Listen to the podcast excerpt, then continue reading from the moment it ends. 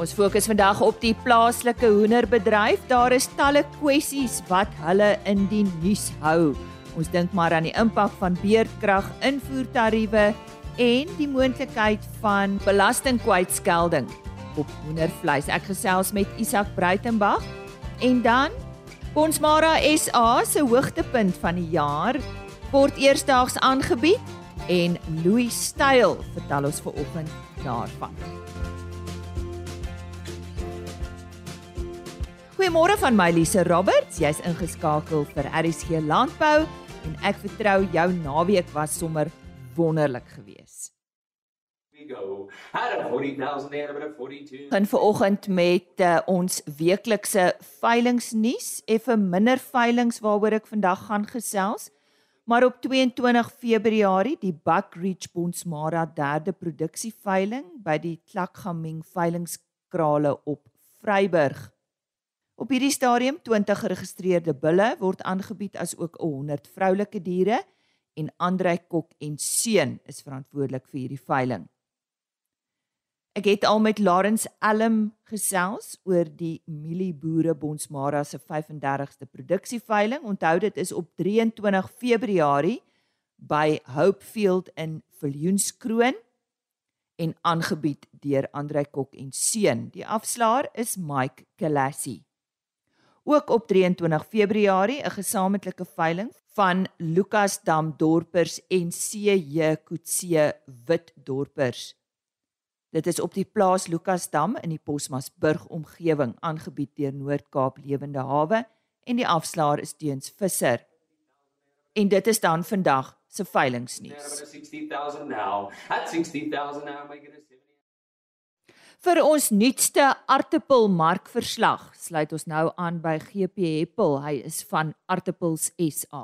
Vir die eerste 5 weke van 2023 is ongeveer 9,4 miljoen 10 kg sakkies aartappels verkoop en aartappels aan die mark te voorsien.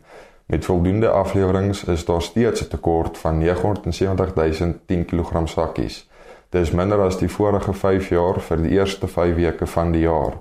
Die gemiddelde prys vir hierdie tydperk is R20.79 sent meer as die vorige jaar. Dit was R55.41 per 10 kg sakkie waar alle klasse in groot is. In Januarie 2023 was die gemiddelde daaglikse voorraadsvlakke op die varsprodukte mark 712010 kg sakkies per dag. Ongeveer 22010 kg sakkies meer as Desember se gemiddelde daaglikse voorraadvlakke. Jaar op jaar het Januarie se gemiddelde voorraadvlakke met 29% afgeneem en daar was daagliks gemiddeld 239010 kg sakkies minder beskikbaar. Die gemiddelde daaglikse prys gedurende Januarie 2023 het tussen R48.5 en R61.10 per 10 kg sakkie gewissel en het aansienlike hoër variasie as in 2022 vir dieselfde tydperk getoon. Die gemiddelde maandelikse prys het jaarliks met 24% gestyg. Die gemiddelde maandelikse prys vir alle groottes en klasse was R55.41. Die gemiddelde maandelikse prys vir klas 1 medium het op R57.79 per 10 kg sakkie geëindig. Die totale lewerings aan die varsprodukte mark vir Januarie 22 was ongeveer 7,8 miljoen 10 kg sakkies. Die streke waar die varsprodukte mark gedurende Januarie van die meeste aardappels voorsien het, is Suidwes Vrystaat, Noordwes, Oos Vrystaat, Gauteng en Sandveld. Van hierdie vyf streke was Suidwes Vrystaat, Noordwes en Gauteng die streke wie se afleweringe van Desember tot Januarie die meeste toegeneem het. Suidwes Vrystaat het die hoogste persentasie toename in afleweringe getoon. Sandveld afleweringe het met 45% afgeneem. As die klasverspreiding gedurende Januarie ontleed word, sal gesien word dat klas 1 78% van alle verkope uitgemaak het wat 'n 4% afname in vergelyking met Desember se 82% was. Klas 2 en 3 het albei tussen 1 en 3% toegeneem, klas 4 het onveranderd gebly. Gedurende Januarie het groot, groot medium en medium aardappels so wat 82% van verkoop op alle markte verteenwoordig. Groot, medium, medium, klein en baba aardappelverkope het afnames getoon terwyl groot en klein medium aardappels verkope met onderskeidelik 5 en 1% gestyg het. Januarie se verkope is 977010 kg sakkies onder die 5 jaar gemiddeld verkope vir dieselfde maand. Suidwes Vrystaat was gedurende Januarie die markleier met 34% markandeel en het in Januarie 1.9 miljoen sakkies verkoop. Noordwes was die tweede grootste streek gedurende Januarie en het 29% van verkope verteenwoordig. Gauteng op 18%, Sandveld 11% en Oos-Vrystaat gedurende November 8% markandeel gehad. En so sê GP Apple en hy is van Artappels SA. Ek gesels nou met Louis Styl. Hy is die uitvoerende hoof uh, van Bonsmara SA en soos jy gehoor het, is uh, Bonsmara SA ons vernoot op RSG Landbou hierdie week. Louis, goeiemôre. Sien nou eers vir my, uh, hoe het dit met die Bonsmara genootskap gegaan die laaste 2 jaar? Die bedryf is deur 'n moeilike tyd. Goeiemôre Lize. Uh ja, soos wat jy noem, die bedryf is deur 'n baie moeilike tyd gewees met die met die naderdraai van COVID en sowel as back and closure. Maar uh, ek moet sê ons was by die Bonsmara was ons baie bevoordeel geweest en ons het uh, eintlik twee rekordjare gehad.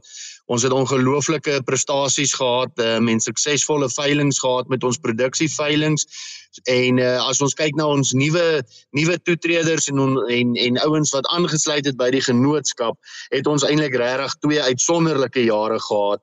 So dit wys 'n mens maar net dat tot selfs in die moeilike tye is die ouens baie positief en as jou produk reg is, dan wil die ouens deel wees daarvan. So ons Mara kan kan eintlik baie trots uh, terugkyk op die afgelope 2 jaar. Is daar iets om na uit te sien vir jaar Louis? Ja, ek dink die eerste ding wat ons wat ons natuurlik moet noem is uh ons rooi ras geleentheid en ons nasionale veiling wat gaan gebeur op die 15de Maart. Uh op die rooi ras geleentheid het ons Dr. Frans Kronee wat 'n uh, bietjie vir ons 'n uh, oorsig gaan gee oor die ekonomie en die politiek. En uh, dan het ons vir Brahma Lerbe wat 'n avonturier is wat uh, hy het vers, hy het verskriklike groot dinge bereik in terme van fisiese um, uitdagings en uh, en ja, hy gaan vir ons 'n bietjie motiverings gee en dan van daar af gaan ons oor na die nasionale veiling toe en dan vir die res van die jaar het ons natuurlik weer 'n vol kalender met produksieveilings en uh, ons kyk ook hierdie jaar om bietjie meer kommersiële teelers te betrek deur 'n lidmaatskap vir kommersiële teelers by die genootskap. So dit gaan 'n besige 2023 wees vir Bonsmara SA. Hierdie rooi ras geleentheid van julle, dit is ook daar by die Afridome in Parys, is ek reg? Ehm um, die rooi ras geleentheid gaan by die Stonehenge River Lodge wees in Parys en dan skuif ons van daar af oor na die Afridome vir die nasionale veiling. Uh, wie kan hierdie uh, rooi ras geleentheid van julle bywoon? Is dit net uitgenooide gaste?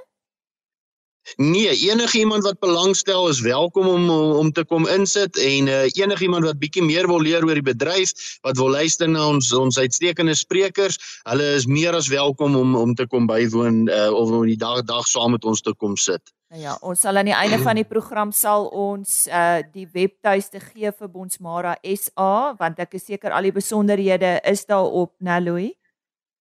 100% net ja, so Lize, ja. Ja, ja. Louis, nou ek kan onthou in julle laaste uitgawe van Rooi Ras in 2022 het het ek gelees dat jy klem lê op die belangrikheid van basiese beginsels. Wat is vir julle belangrik?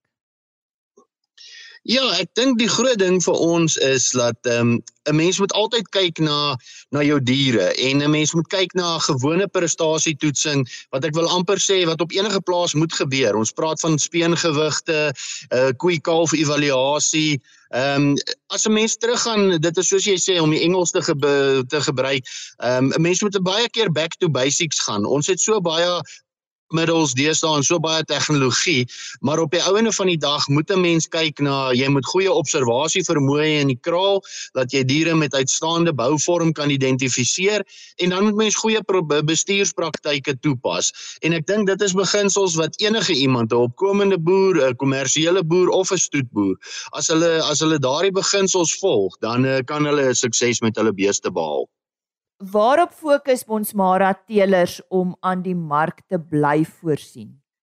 Lisa, ek dink ons grootste ding wat ons moet doen is ons moet altyd um, besef dat meer as 80% van ons bulle gaan na die kommersiële mark toe. So die kommersiële mark is uh is Bonsmara se primêre mark en ons moet seker maak dat ons voorsien in daardie ouens se behoeftes dat hulle diere het wat 'n voldoende speenkaal vir hulle lewer, is voldoende uh, vervangingsverse en wat natuurlik goed presteer in die voerkraal.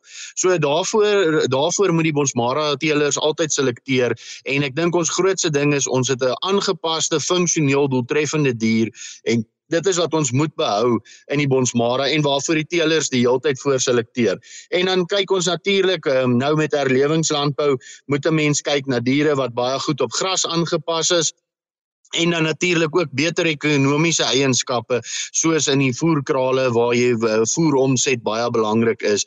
So dit is nogal 'n hele prentjie om na te kyk, maar aangepaste funksionele doeltreffende diere is waarvoor die Bonsmara teelers wil selekteer. Ja, so sê die uitvoerende hoof van Bonsmara SA Louis Styl. Hy het vandag met ons gesels oor die sukses van hierdie ras en ook hulle rooi ras geleentheid. En uh, dit is dan op 15 Maart daar in die Parys omgewing.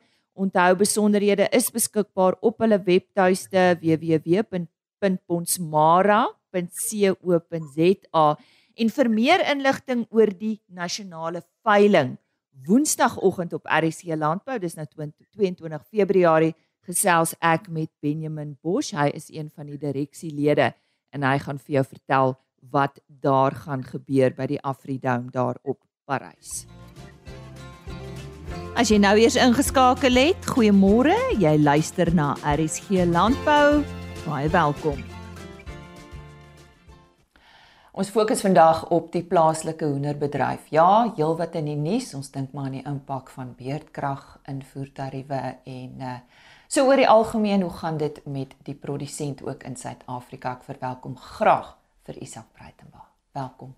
Dankie Lisa. Kom ons begin maar by beerdkrag. Ons weet en ons het gesien die impak is en was groot. Geef ons terugvoer. Dit dit is. Ek dink as mens kyk na beerdkrag het dit ons seer gemaak in die laaste ruk. Ehm um, ons produsente produseer 24 ure 'n dag. Of dit nou die plase is en of dit nou die die slagpale is, ehm um, ons slag 24 ure 'n dag en veral op die slagpale kant het die beerdkrag ons ehm um, seer gemaak. Ehm um, wanneer ons fase 2 beerdkrag het, dan kan ons op naweke inslag. Maar wanneer ons fase 6 beerdkrag het en dit gebeur van maandag tot Vrydag, dan is daar nie genoeg tyd op naweke om in te slag en die agterstand van hoenders wat op die plaas staan en vreet en groot word um in te haal nie. En en en dan moet ons ongelukkig um aksies neem om om daai probleem op te los. En dit sou wees om om minder hoenders te plaas um as as een voorbeeld. 'n Tweede ding wat dit natuurlik veroorsaak is dat dit veroorsaak 'n tekort aan hoender in die mark. En ons het dit in Desember gesien by van ons um uh KFC's waar daar 70 KFC's was wat nie voorraad gehad het nie. En en dit is weens die feit dat die hoenders staan fisies op die plaas in steede van in die mark. En die tweede gedeelte is dat die hoenders is nou te groot en die ehm um, restaurante het 'n baie spesifieke grootte wat ehm um, hulle kliënte vereis. En as die hoender te groot is, dan kan ons dit ook nie gebruik vir restaurantbesigheid nie. So die die dit het 'n groot impak. As ons van plase praat, klein bietjie minder van 'n impak. Ehm um, nie groter groot verbruikers soos abattoirs van elektrisiteit nie en daarom sal kragopwekkers vir ons help. Ehm um, en dan tweedens is daar 'n klomp plase wat begin om sonkrag ehm um, stelsels in te sit.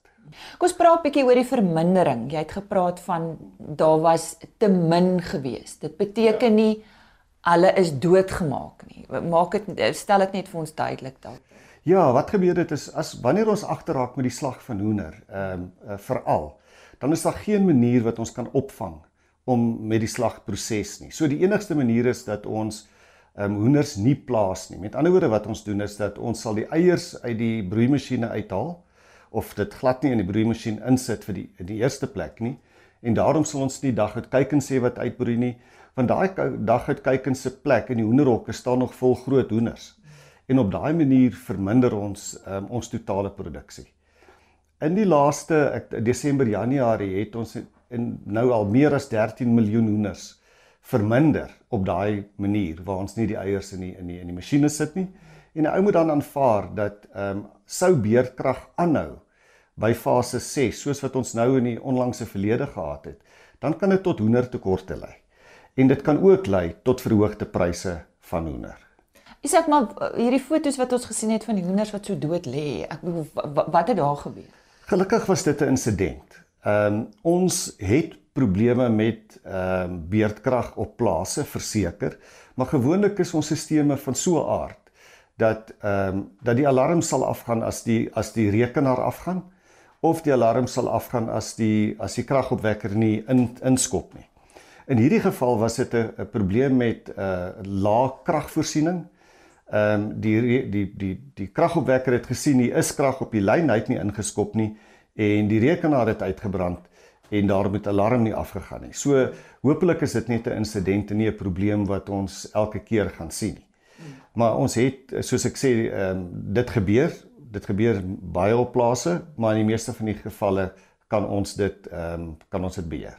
So kom ons maak dit net duidelik, ons plaas dan net minder hoenders, so dan gaan ja. minder hoenders wees. Dit is nie te sê wat ons het maak ons dood nie. Korrek. Want ons kan dit nie, ons kan dit nie gebruik. Korrek. Gelukkig hoef ja. ons nie hoenders dood te maak. Daar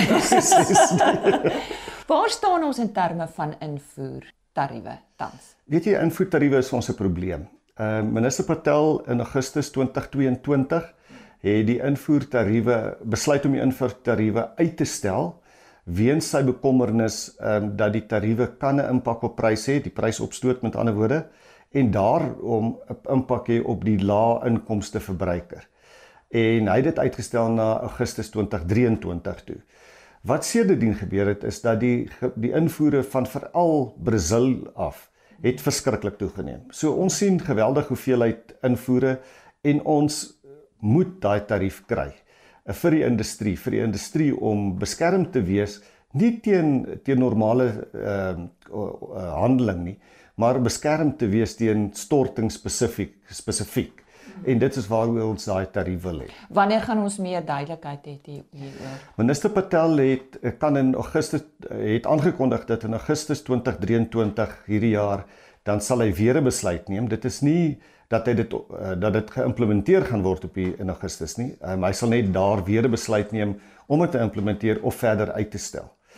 Nou ons is bekommerd dat die prys van hoender is aan die hoë kant weens die grondstofkoste.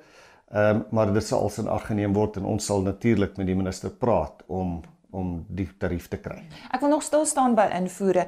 Uh, wat is die impak van invoere op kom ons begin met Suid-Afrika en dan weet ek daar's lande waar daar geen hoenderbedryf is nie en waar hulle net moet invoer. Mens moet eerstens sê dat invoere is nie 'n probleem nie. Ehm um, normale invoere op normale prys is is glad nie 'n probleem nie. Ons het sopas 'n studie voltooi wat sê die Suid-Afrikaanse industrie is wêreldkompeterend en die studie ehm um, het gesê dat die bedryf het verbeter as ons dit vergelyk met die studie in 2019. So in terme van mededingendheid wil ons nie beskerming hê van invoere omdat ons nie meer dit dingend is nie, glad nie. Ehm um, so invoere is daar om ehm um, storting aan te spreek. En geen land kan met storting meeding nie. Nie Suid-Afrika nie en en ook nie die die ander Afrika lande nie. As ons dan kyk na ander Afrika lande, dan sal 'n mens sien dat die lande wat nie invoer beheer toepas nie, het nie 'n hoenderindustrie nie. Byvoorbeeld Angola, byvoorbeeld Ghana, 'n eh, Mosambiek. En in daai lande is hoendervleis so duur soos rooi vleis.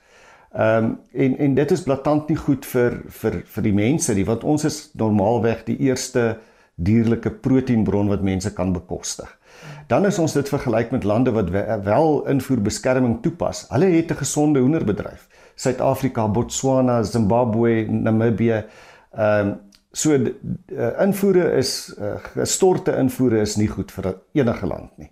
nie. So ons kan bloot net nie genoeg voorsien in Suid-Afrika aan die behoeftes. Op die oomblik eh, die antwoord is seker ja en nee. Ehm um, as 'n mens kyk na die uh, verskaffing, um, in die vorige 10 jaar het invoere toegeneem relatief tot lokale produksie. In die laaste 3 jaar op 'n positiewe vlak met die meestersplan het het die lokale produksie dramaties toegeneem en ons het 10% meer ehm uh, kapasiteit geskep in Suid-Afrika om te voorsien. So tot op hede kan ons invoervervanging doen ehm um, in Suid-Afrika. So dit is dit is positief vir ons. Nou ja, in die media die afgelope tyd het ons ook gelees van moontlike belastingkwytskelding of die aansoek daarvoor. Bly ingeskakel as ons terugkom gesels ons hieroor.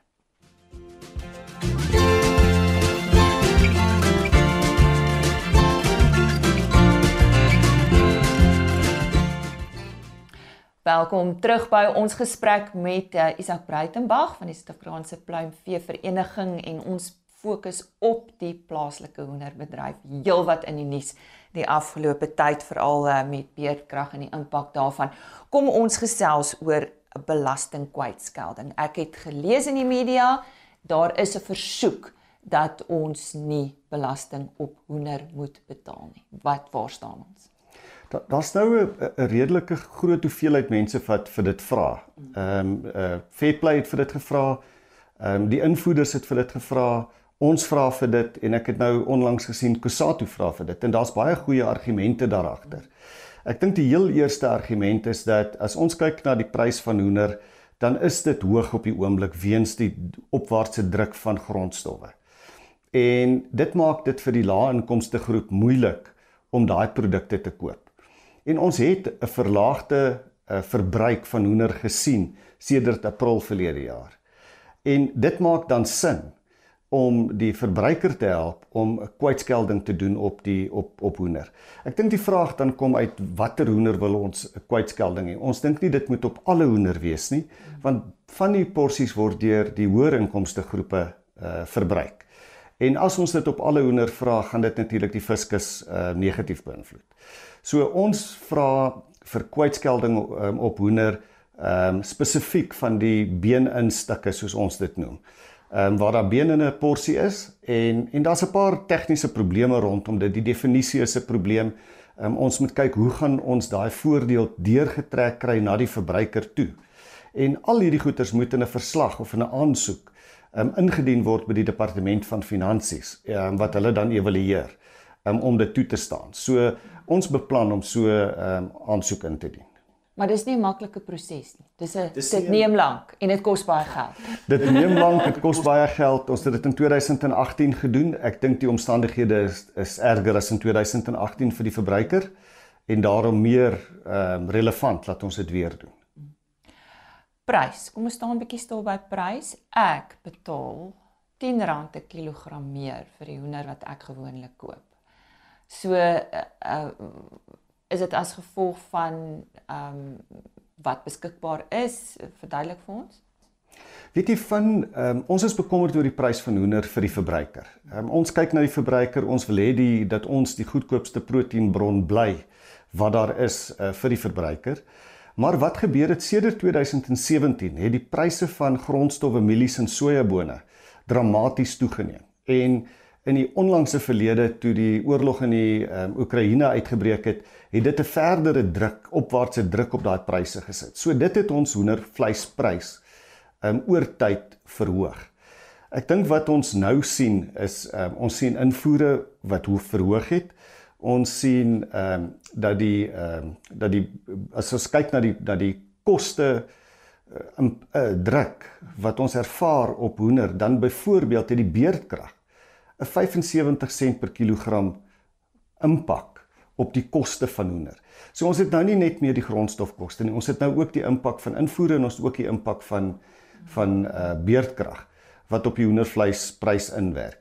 En dit gesê, is die hoendervleisprys hoog, maar ons is nog omtrent R2 per kilo ehm um, wat ons te min kry vir ons hoender om gelyk te breek. So die boere op die oomblik kry eintlik swaar. Ja selfs oor die boere met ons produsente. Waar staan ons? Hoe gaan dit met die produsente? Ek bedoel, is daar 'n vermindering as gevolg van die impak van al hierdie uh waaroor ons nou gesels het? Ja. Ons ons praat nou nie van die die groter Astrals en die ja. CBH's nie, die kleiner produsente en ook die informele mark. Ja, as jy mens kyk na die produsente dan is daar dan is daar dalk twee uh fases wat 'n mens na moet kyk, die die korttermyn en die langtermyn. Um, as 'n mens oor die korttermyn kyk, dan is beide die groot produsente onder groot druk soos wat ons reeds bespreek het. Maar die kleiner produsente is onder groter druk. Hulle kan nie met beerdkrag uh, uh regkom soos wat ons reg. Hulle kan nie kompeteer met ja. beerdkrag nie. En ons inligting ons ehm um, uh, moniteer ons kleinboere en baie van hulle gaan uit besigheid uit ehm um, weens beeskrag. Fase 6 beerdkrag is blaatant net te erg vir hulle om ehm um, oor die weg te kom. So hulle sukkel, uh, die groter boere sukkel. As 'n mens kyk na die, die langer termyn, dan moet ons sê dat weet ons het die meesterplan gehad of ons het die meesterplan en die meesterplan het het addisionele groei geleenthede ge, gebring. Dit het beleggingsgeleenthede gebring, dit het transformasie gebring. En as 'n mens dan kyk na die insidente en ek wil dit insidente noem wat ons korttermynprobleme veroorsaak, hopelik gaan van hulle uh, oor die langtermyn ehm um, uitfaseer en dan sal die industrie beter lyk. Ek wil afsluit. Alles is daarom nie net soos die Engelse sê doom and gloom nie. Daar's daarom dit gaan daarom goed. Dit gaan goed. Ek dink 'n mens ehm um, ons het as ek het vroeër genoem ons te verslag uh, gekry wat ons self ehm um, teen inder, internasionale mededingers meet teen Brasil teen die Verenigde State teen die Europese Unie lande en ons het geweldig goed gedoen. Ons het nou vir 16 jaar die Europese Unie uitgestof wat koste per kilo op hoender betref.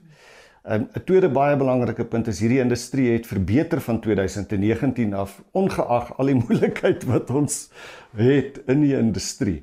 En en dit is positief en dit sê dat ons sit met 'n gesonde industrie waar ons probeer om ek wil amper sê die markomgewing uh te verbeter die die tariewe in die goederes ehm uh, die uh kwytskelding van uh, BTW en as ons daai kan regkry kan hierdie industrie groei en nog goedkoper hoender vir die mark voorsien. En voelgriep. Absoluut. Ek dink voelgriep is iets wat ons nou vergeet het om oor te praat. As 'n mens praat van voelgriep dan het ons uh probleme gehad in 2021. Was die groot voelgriep uh uitbraak. Dit het um in 2022 in Augustus, September het ons ons laaste uitbrake gehad van voelgriep in Suid-Afrika, maar ons wille voels toets steeds positief. So die die siekte is hier. Ehm um, wat gebeur het in Amerika en Europa is dat die siekte eintlik buite beheer is. En ons sien steeds uitbrake in Europa en Amerika. En as 'n mens na dit kyk, dan moet hem, dan het ons besluit in Oktober verlede jaar tydens 'n groot kongres in Parys dat die siekte nou endemies is en dit beteken die industrie is die industrie die siekte is oral oor en ons sukkel om hom te beheer. Ehm um, en daar is besluit dat ons sal moet van die ehm um, oorgaan na 'n end beleid. So ons is baie besig met 'n voorstel wat ons sal doen aan die departement van landbou wat in lyn is met die kongres in uh, Parys in, in in Oktober verlede jaar en ook in lyn sal wees met die Europese Unie uh, uh standpunt en met die uh, Amerikaanse standpunt. En hopelik sal ons binne 'n uh, afsienbare toekoms kan ons hoenders begin ent en dit sal verhoed dat ons groot te veel hoenders moet ehm um, doodmaak of van ontslaa raak wat siek geword het.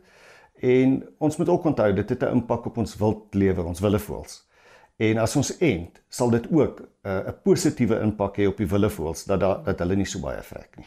En as 'n verbruiker kan jy my verseker, ons het 'n gesonde, goeie produk wat jy julle op die tafel sit. Absoluut. Ons het 'n gesonde, goeie produk en ehm um, ons moet hom net goedkoop hou vir die toekoms. Ek hoop so. Isak baie dankie vir jou tyd. Dankie.